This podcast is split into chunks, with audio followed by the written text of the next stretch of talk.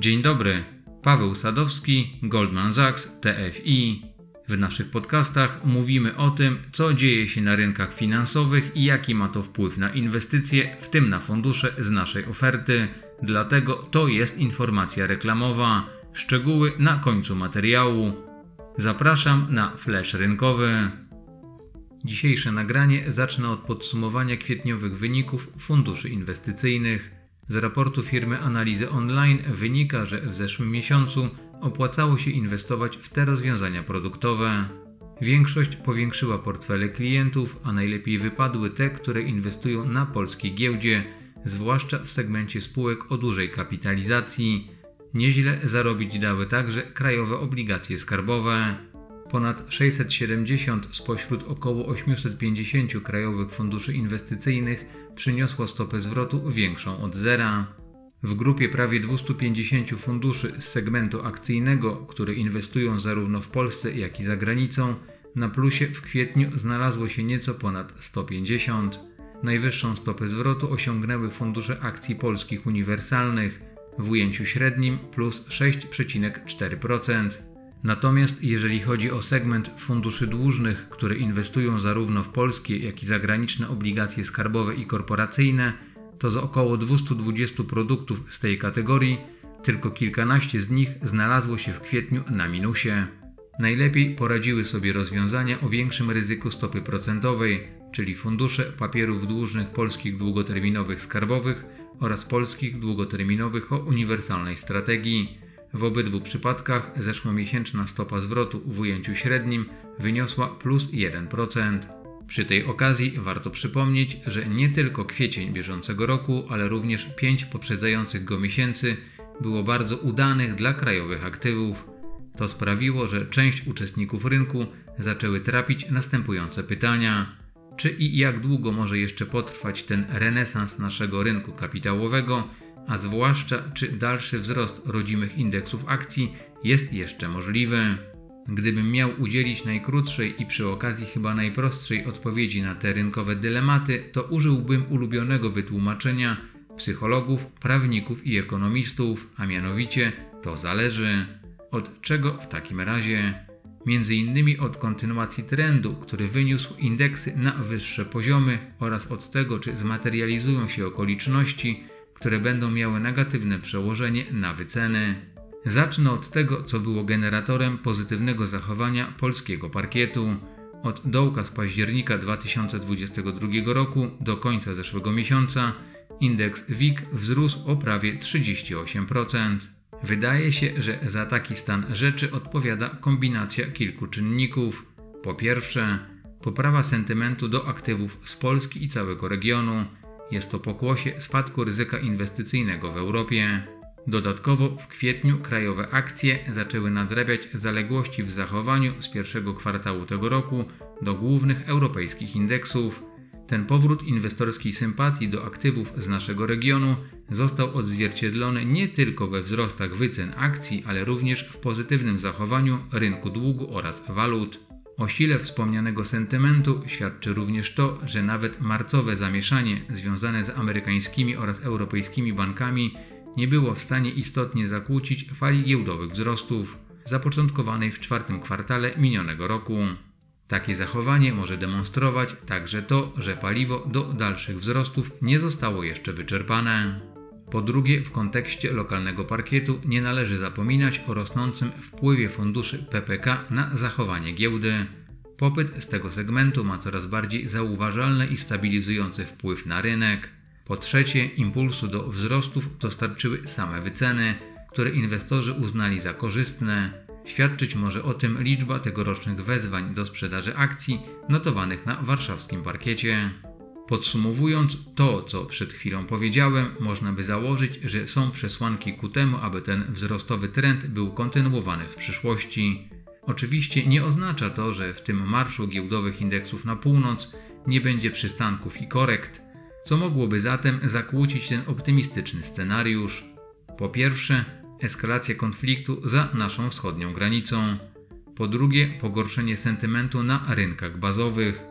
Do zmiany globalnych nastrojów mogłyby doprowadzić na przykład pesymistyczne informacje płynące z rynku pracy, Aktualnie tego nie obserwujemy, więc ciężko kwestionować inwestorski optymizm lub pogorszenie prognoz w odniesieniu do wyników spółek. Obecnie rozgrywana przez inwestorów koncepcja zakłada, że dynamika wzrostu zysków firm będzie ujemna w bieżącym roku, a poprawa nastąpi na początku 2024 roku oraz powrót kryzysu energetycznego w Europie. Choć prawdopodobnie nie jest to temat, który będzie zajmował głowy inwestorów w najbliższych miesiącach, nie znaczy to jednak, że to ryzyko nie wystąpi w przyszłości.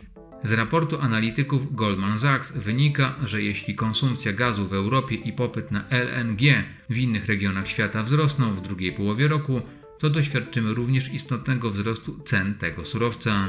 W okresie zimowym ceny mogą przekroczyć 90 euro za megawattogodzinę. Po trzecie, wystąpienie czynników legislacyjnych, które nie są uwzględnione w bieżących wycenach. Mam na myśli na przykład systemowe rozwiązanie kwestii kredytów frankowych lub wprowadzenie podatku od zysków nadzwyczajnych. W przypadku materializacji tego ryzyka to średnie i małe spółki powinny zachować się lepiej od przedstawicieli indeksu WIG20. Na koniec, w odniesieniu nie tylko do omawianego w niniejszym materiale dylematu związanego z próbą odpowiedzi na pytanie, czy jest możliwa kontynuacja dobrej pasy krajowych akcji, to chciałem wspomnieć jeszcze o dwóch istotnych z perspektywy procesu inwestycyjnego rzeczach.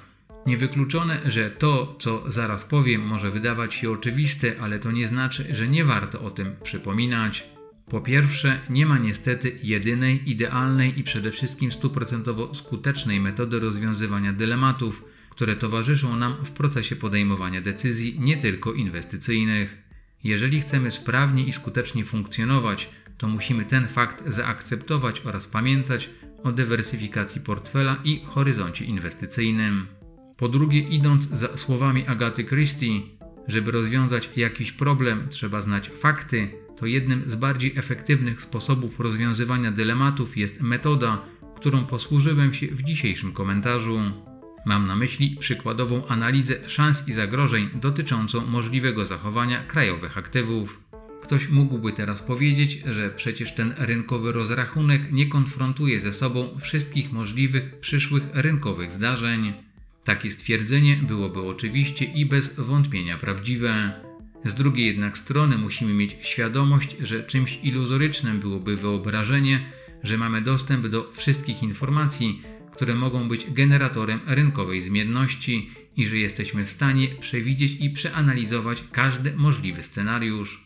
O tym, jak sobie radzić z tą ułomnością braku wiedzy, wspominałem w nagraniu z 19 grudnia zeszłego roku.